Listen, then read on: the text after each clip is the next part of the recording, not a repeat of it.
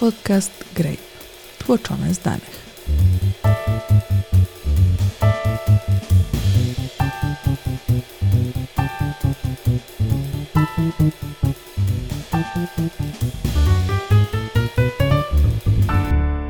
Czy da się jeździć po polskich drogach zgodnie z przepisami? Jak zachęcić do tego kierowców? Wysokimi mandatami, fotoradarami za każdym zakrętem? Odbieraniem prawa jazdy? Czy kary działają, a jeśli tak, to na kogo bardziej? Na kobiety czy mężczyzn? I co by się stało, gdybyśmy ograniczyli patrole drogówki?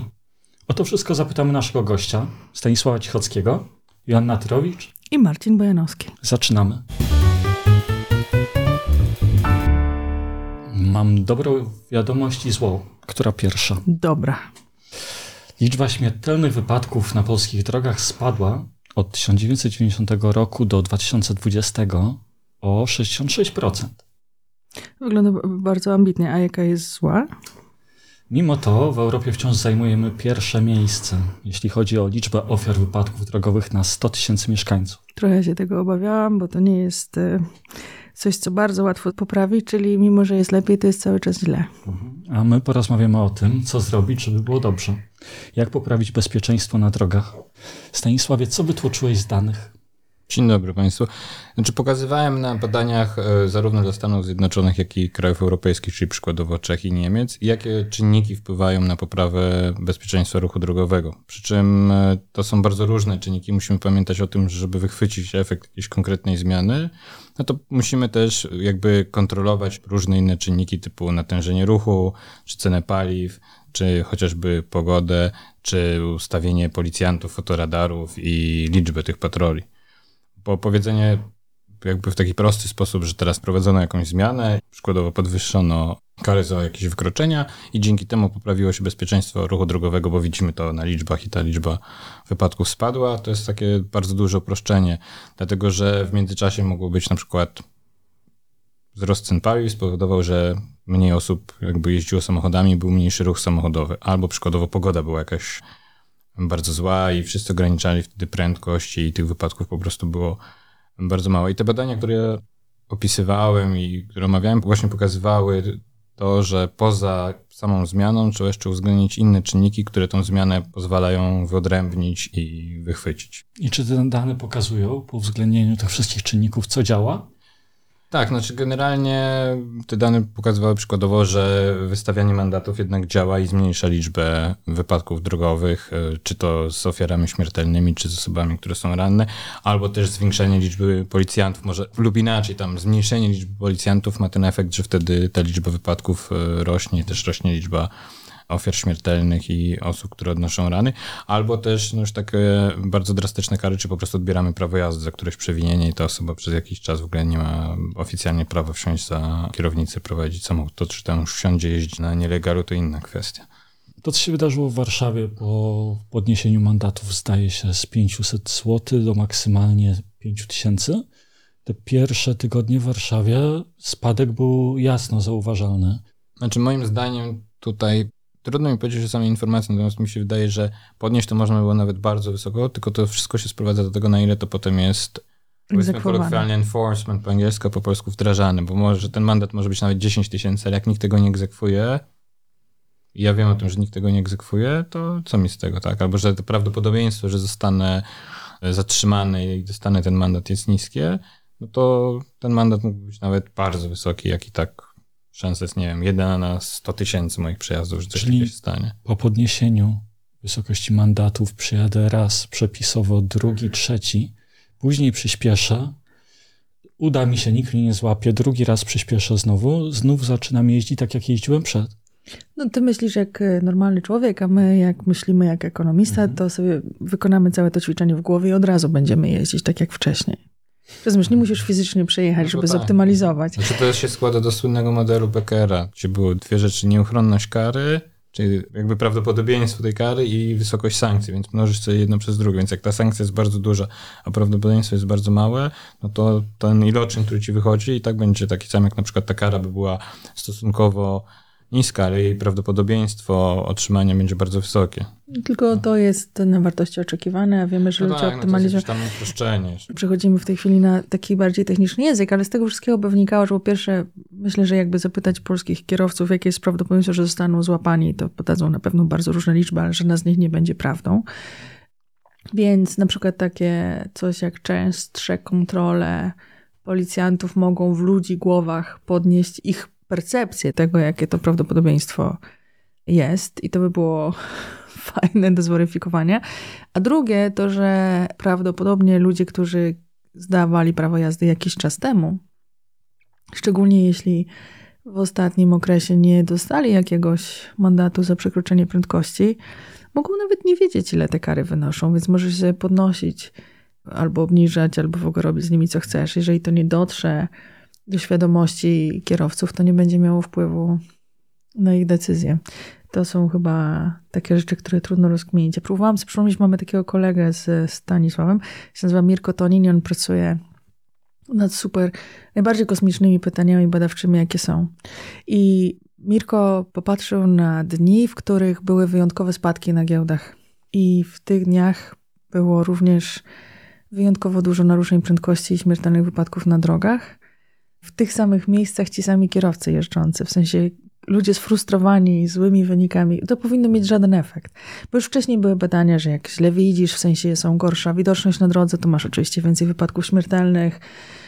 W tych miejscach, gdzie jest krócej dzień, no te wszystkie rzeczy można próbować uwzględniać. Natomiast generalnie rzecz biorąc, to jaki jest wpływ danym dniu giełdy na ciebie, najczęściej żaden. W sensie mało kto z nas faktycznie inwestuje, z tych, którzy inwestują, mało kto krótkookresowo. Więc dzisiejsze notowania nie powinny mieć żadnego wpływu na nasze zachowania w ogóle, czy w ogólności, a za kierownicą w szczególności. A okazuje się, że te dni, w których były wyjątkowo duże spadki na giełdach, to były dni z niecharakterystycznie wysoką liczbą wypadków, w tym wypadków śmiertelnych. Więc y, najwyraźniej nieuchronność i wysokość kary to nie są jedyne czynniki, które wpływają na te procesy decyzyjne po stronie kierowców.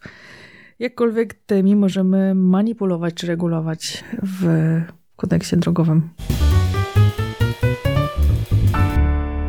Stanisław, w badaniu, o których pisałeś, Liluki, o tym, że zwiększenie liczby mandatów o 1% daje spadek liczby wypadków drogowych o 28%. Czy to oznacza, że jeżeli byśmy podnieśli tę liczbę mandatów na przykład o 100%, to w tym samym czasie liczba wypadków spadnie o 28%? To były badania dla stanu Massachusetts w mhm. Stanach Zjednoczonych, więc nie wiem, czy można to jeden do jednego przenieść, e, jeśli chodzi o te wielkości. Chyba naj, najważniejszy wniosek z tej badania był taki, że podniesienie właśnie tej liczby mandatów wpływa na spadek liczby wypadków. Natomiast teraz co do wielkości, podejrzewam, że to zależnie gdzie te badania przeprowadzimy, to ta, to się tam nazywa elastyczność, to może być różnej wielkości, tak? Więc ja nie powiedziałbym, że teraz wzrost o 100% spowoduje spadek o 28%, poza tym, powiedzmy, badaniem, które ona przeprowadziła, tak?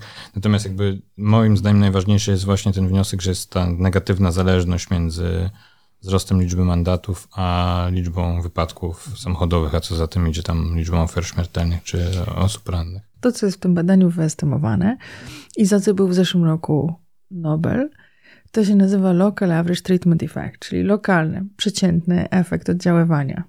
O lokalny, czyli w okolicach tej liczby mandatów, którą przyznawano przed zmianą. Czyli wyobraźmy sobie, że jest jakaś społeczność, w której rocznie wystawia się 1500 mandatów. I w tej społeczności przeprowadzamy reformę, wszystko jedno jaką, zamiast zrobić 1500, robimy 1600. Jakby w tej skali to wszystko działa jakby tam rozsądnie. No i potem obserwujemy, o ile spadła liczba wypadków i ten spadek wypadków, liczby wypadków jest taki jak w tym konkretnym badaniu. To nie znaczy, że w tej społeczności, jakbyśmy z 1500 przeszli na 3000, to ten współczynnik będzie miał zastosowanie, bo on jest oszacowany tylko w okolicy tego 1500. Za to znaczy, że jest równie prawdziwy dla 1600 jak dla 1400. To znaczy, gdybyśmy zmniejszyli mandaty o 100 w tym konkretnym przykładzie, to wzrosłaby nam liczba wypadków o cirka 28. Więc coś za coś, ale tego rodzaju rzeczy można szacować tylko w pobliżu tych poziomów, które faktycznie obserwujemy. Nie można tego potem ekstrapolować czy przenosić na jakieś inne warunki. Przy czym czy uogólniać w ogóle, tak? Staszek, przenosić między no, na przykład krajami, tak? To na to zwrócił uwagę Staszek, a teraz jeszcze ten aspekt, na który ty zwracasz uwagę, czyli czy skala jest do przeniesienia. Bo co do zasady policja może wystawić 100 więcej mandatów. To nie jest jakieś nawet bardzo skomplikowane. Myślę, że lokalny budżet by się ucieszył. Może to wręcz samo za siebie zapłacić, bo innych rzeczy możemy nie być w stanie zwiększyć o 100%, ale liczbę przyznanych mandatów w zasadzie bezproblemowo. Ale nie oznacza to, że o tyle są Ale to nie znaczy, że, że będzie ten efekt zachowany. Po prostu tak, po prostu nie wiemy, ale też nie wiemy, dlatego że ta metoda, którą stosujemy, nie jest do, do udzielania odpowiedzi na takie pytania. Za to ma tę zaletę, że mówi, ponieważ podnieśliśmy mandaty, to wypadki spadły o 28%. Nie dlatego, że lepsza była pogoda, albo ludzie mają lepsze samochody, albo droga została wyprofilowana lepiej, tylko z tego jednego konkretnego powodu. A my wiemy, jak im udało się to policzyć? Nurka posiadała bardzo szczegółowe dane dotyczące różnych aspektów. Znaczy, po pierwsze, ona porównywała, jak pewna kampania dotycząca ruchu, bezpieczeństwa ruchu drogowego w Massachusetts, przeprowadzona w 2002 roku, tam na jesieni, oddziaływała w stosunku do tego, co się działo rok wcześniej. Tak? I ta kampania generalnie polegała na tym, że policja w okresach dużego natężenia ruchu, czyli wokół Święta Dziękczynienia i wokół Bożego Narodzenia, dokonywała większej liczby zatrzymań kierowców i wystawiała im mandaty, a tak naprawdę ta kontrola polegała głównie na tym, czy dany kierowca ma zapięte pasy. Przy czym wyjaśnimy może słuchaczom, że w przeciwieństwie do warunków, które znają z Europy, że policja stoi za jakimś winklem z suszarką i próbuje zobaczyć, czy samochody nadjeżdżające trzymają poziom prędkości. W Stanach Zjednoczonych mierzy się to zupełnie inaczej. W sensie samochody policji jeżdżą po autostradzie i zatrzymują te samochody, koło których przejeżdżając mają pewność, że jadą za szybko. Czyli to nie są jakieś konkretne miejsca, gdzie policja łapie, tylko policja łapie przez cały, możecie złapać przez cały czas przemieszczania się z punktu A do punktu B. Więc to były jedne dane, no drugie dane oczywiście te dotyczące pogody, dotyczące cen paliw, czy też jakieś czynniki lokalne typu stopa bezrobocia, liczba zarejestrowanych samochodów, liczba przejechanych kilometrów, tak. Oczywiście liczba wypadków, liczba osób, które tam w tych wypadkach odniosły rany lub zginęły, więc to jest potężna bateria danych, która została zebrana, żeby właśnie uchwycić ten efekt tych kontroli i tego zwiększania liczby mandatów. Bo samo jakbyśmy teraz, tak jak tutaj Jan mówiła, tylko chcieli zbadać to na takiej zasadzie, że opatrzymy sobie jest liczba mandatów, a tutaj co się dzieje z liczbą wypadków, no to fajnie, tylko czy ten związek przyczynowo-skutkowy rzeczywiście zachodzi, czy rzeczywiście go widzimy, bo mogą być inne czynniki, które wpływają, tak? To, że liczba wypadków spadła, bo, bo wzrosła liczba mandatów, to może się okazać, że nie wiem, pogoda danego dnia, czy w danym okresie była lepsza lub gorsza. Przy czym jeszcze bardzo ważne było to, że Luka dysponowała danymi dziennymi, tak? Czyli miała dzienną liczbę mandatów z każdego dnia zebrane przez tam jakiś okres. Tak? Bardzo często w tych badaniach są dane po prostu bardziej zagregowane, typu tam miesięczne i to już jest pewien problem, żeby wychwycić poszczególne efekty. Czyli gdybyśmy chcieli w Polsce oszacować, jaki był efekt podniesienia wysokości mandatu, co musielibyśmy zrobić? Czy najpierw musielibyśmy zrandomizować interwencję, wybrać losowo miejsca i godziny, w których policja działa inaczej niż normalnie. I monitorować, że Nie oni rzeczywiście. w miejscach, w których zwykle stoi, można się jej spodziewać? Na przykład.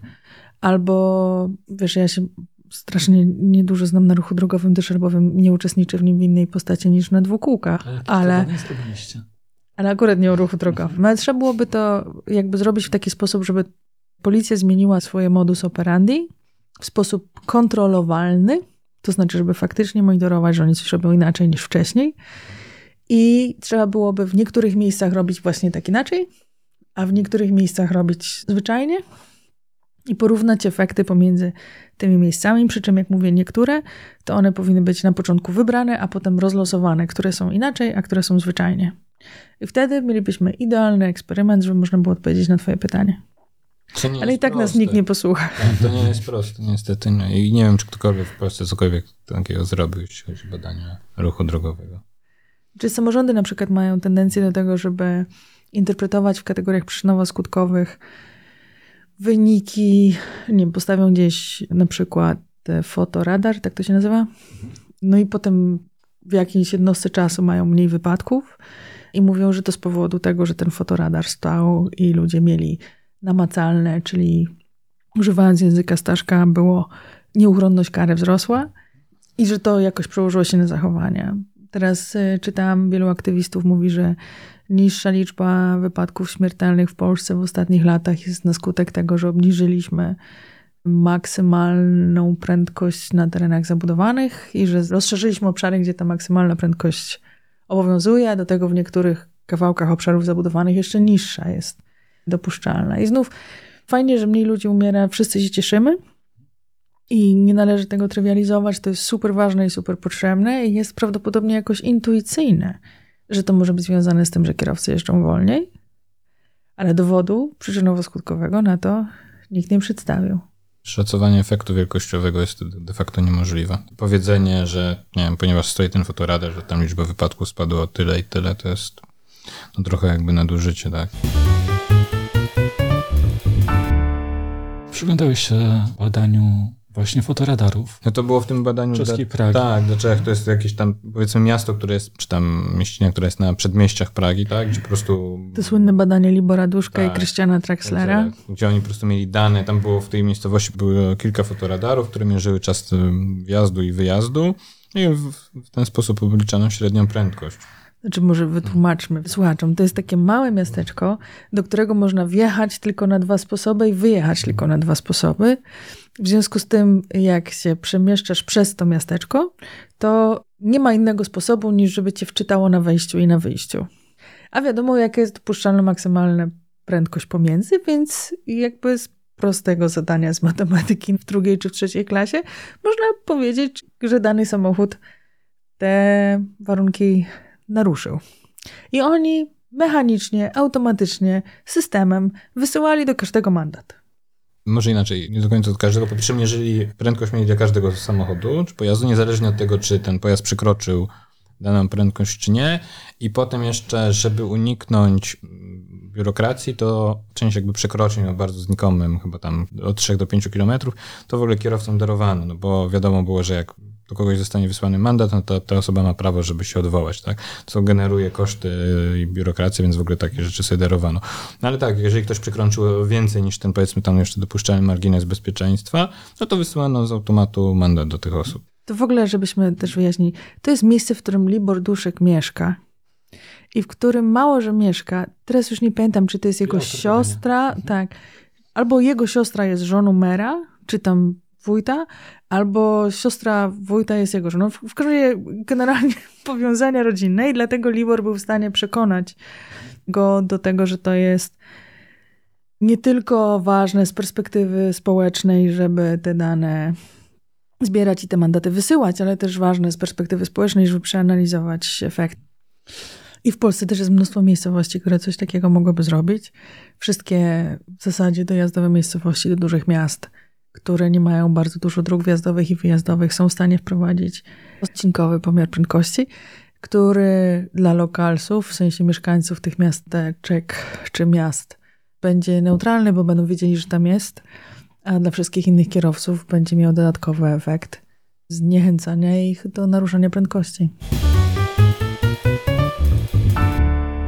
Czy te badania pokazują nam coś więcej jeszcze? Na przykład jak e, na dany impuls reagują kobiety, a jak mężczyźni za kierownicą? Tam, Jest to jakoś tak, zróżnicowane? Widać? To było w tym badaniu Luki, tam było po prostu pokazane, że kobiety reagują, nie chcę mówić bardziej ostro na to, że dostają mandat po prostu ograniczając jakby swoje złe zachowania, ale to w tym badaniu zostało już tylko bardzo pokrótce wytłumaczone tym, że kobiety są jakby bardziej czułe na ryzyko i nie chcą tego ryzyka podejmować, wobec tego ten efekt jakby otrzymania mandatów na nie bardziej oddziaływuje niż jakbyśmy teraz mieli mężczyzn, którzy bardziej lubią ryzyko i dla nich tam ten mandat jest jakby mniej, daje tego efektu takiego ograniczania zachowania. Ja pamiętam, jak, e, bo ja byłam raz, jak Christian Traxler prezentował to badanie, to oni mają takie bardzo silne przekonanie i pracują teraz nad czymś nowym, że, że, że to nie, czy w sensie akurat w tamtym miasteczku nie chodzi o to, że ludzie zasuwali 180 przy limicie 60, tylko że limit był 60, a jechali tam 75 czy coś takiego.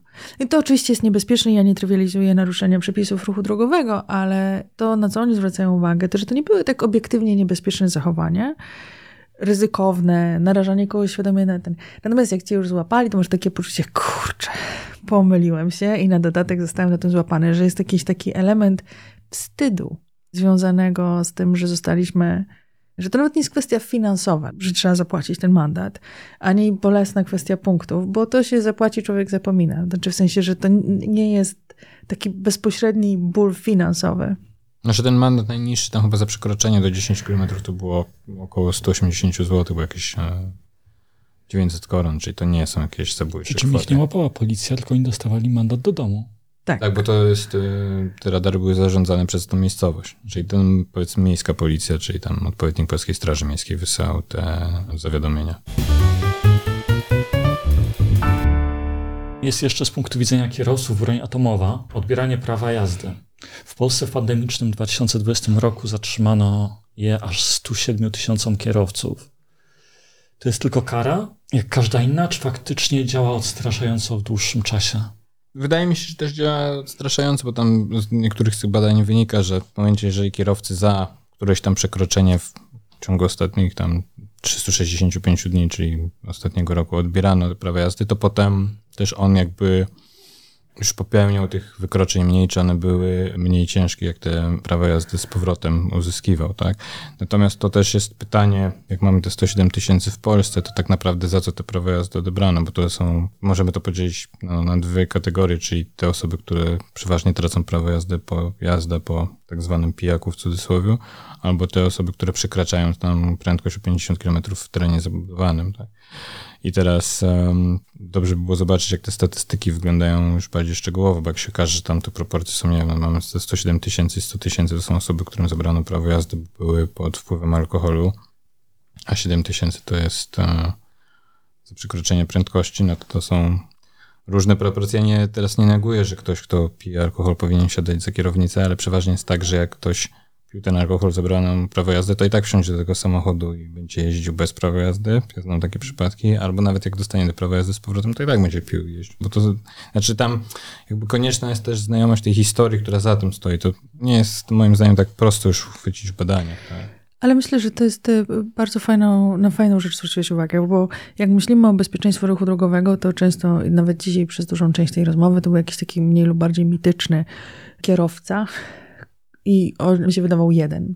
I zadałeś pytanie o to, czy kobiety reagują jakoś inaczej niż mężczyźni, Marcinie, ale nie zastanawialiśmy się nad tym, skąd się biorą w ogóle ryzykowne zachowania za kierownicą. I część to są osoby, które popełniły błąd, ale nie mają ogólnie tendencji do zachowań samobójczych bądź bratobójczych. I w takich przypadkach takie instrumenty jak mandat, czy punkty karne, czy jakieś inne mechanizmy mogą rzeczywiście być takim niemiłym przypomnieniem, że człowiek się pomylił i nie powinien tego więcej robić. No ale też jest y, pewna grupa hardkorowców, którzy przepisy ruchu drogowego mają za nic y, i oczywiście jakby ktoś w nich uderzył, to by mieli bardzo za złe, ale sami nie traktują ani ograniczenia dotyczącego ile wolno wypić przed wsiąściem za kierownicę, ani jak się w ruchu drogowym uczestniczy zbyt y, poważnie. I na tę drugą grupę prawdopodobnie oddziaływanie za pomocą takich instrumentów jak mandat, wysokość mandatu, prawdopodobieństwo mandatu, widoczność policji na drogach, widoczność fotoradarów, czy nawet utrata prawa jazdy mogą oddziaływać y, relatywnie słabiej. I jeśli myślimy o tym, żeby na przykład zwiększyć bezpieczeństwo ruchu drogowego w Polsce, to na początku trzeba byłoby wiedzieć, do jakich poziomów to jest w ogóle możliwe. Czyli ja nie mówię, że hardkorowców nie da się zniechęcić do zachowań ryzykownych. Mówię tylko, że potrzebne są zupełnie inne instrumenty niż dyskusja o tym, czy mandat jest 500 zł czy 1000 zł, bo z ich punktu widzenia nie ma znaczenia. Jest jakby oddzielna, nie, nie chcę powiedzieć, że oddzielna, ale jakby kolejna działka badań, tak? Tak naprawdę, co tych ludzi motywuje do tych zachowań bo trochę tam w tych badaniach Luki było o tym mowa, że kobiety mają inne postrzeganie ryzyka niż mężczyźni, ale to nie był główny przedmiot tych badań, tak? Więc to jest jakby, tak jak mówię, trochę oddzielna działka badań, żeby zobaczyć, co ludzi motywuje do takich zachowań, dlaczego, nie wiem, no ktoś teraz wsiada po alkoholu za kierownicę i robi to de facto notorycznie, tak? Albo dlaczego ktoś 50 km jeździ w terenie zabudowanym i no może bardzo lubi ryzyko. Albo mu się wydaje, że jest nie wiadomo jakim kierowcą. W ogóle wszystkie badania pokazują, że kobiety przeciętnie jeżdżą wolniej niż mężczyźni, co by oznaczało, że również rzadziej przekraczają dopuszczalną prędkość. Niekoniecznie dlatego, że po prostu mogą preferować niższe prędkości z różnych innych względów, tak? Nie wiemy tego dokładnie. Dla mnie jakoś, jak myślałam o tym odbieraniu prawa jazdy, nawet chyba żeśmy kiedyś o tym rozmawiali, to jest takie coś, co jest uciążliwe, nieprzyjemne, a jednocześnie praktyce, poza osobami oczywiście, które zarabiają przez to, że jeżdżą zawodowo, to jest takie coś, co z perspektywy społecznej no, no nie generuje ani pieniędzy, ani nie obciąża finansowo budżetu gospodarstwa domowego, jeśli ktoś nie jest zawodowym kierowcą. Ale każdego dnia, kiedy człowiek tylko musi się przemieścić z punktu A do punktu B, to mu przypomina: popełniłeś błąd, nie rób tego więcej. I chociaż jest to kara w praktyce bardzo tania, bo też jej egzekucja jest. W sensie, no masz zabrane prawo jazdy. Jak chcesz złamać przepisy, to już zaczynasz w kryminalne klimaty wchodzić. Chociaż jest to kara bardzo prosta, to może być zadziwiająco skuteczna i potencjalnie bardziej skuteczna niż dyskusja o tym, czy mandat powinien wynosić 500 czy 700. Number of the day is... To przechodzimy do stałego punktu programu, czyli jak w ulicy Samkowej. Jaka liczba sponsoruje dzisiejszy odcinek? Staszku. Ja milion. Czyli ta na tylu pojazdach Duszek i Traxler mieli z fotoradarów na przedmieściach Pragi. I dlaczego uważasz, że to jest ciekawa liczba? Wydaje mi się, że to o tyle jest ciekawe, że chciałbym, żeby takie badanie przeprowadzono w Polsce, tak jak tutaj o tym mówiliśmy, że są te samorządy, które się chwalą, że postawiono fotoradar i to zwiększyło bezpieczeństwo ruchu drogowego, ale to jest tylko, no powiem, chciałbym, a proszę spróbować, tak powiem, tak? Niech ktoś się taki znajdzie, kto to zrobi. No ciekawe, czy ktoś to zrobi. No, moim zdaniem to jest właśnie duży problem, że takich badań u nas po prostu nie ma.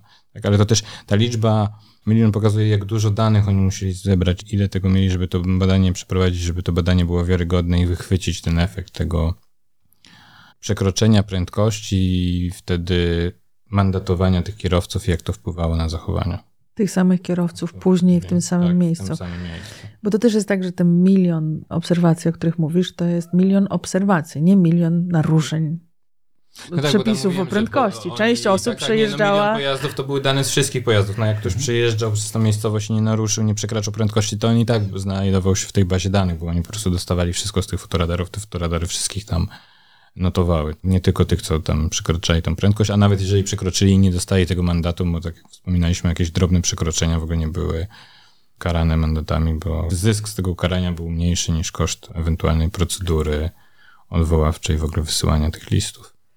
No jest coś fascynującego w tym badaniu.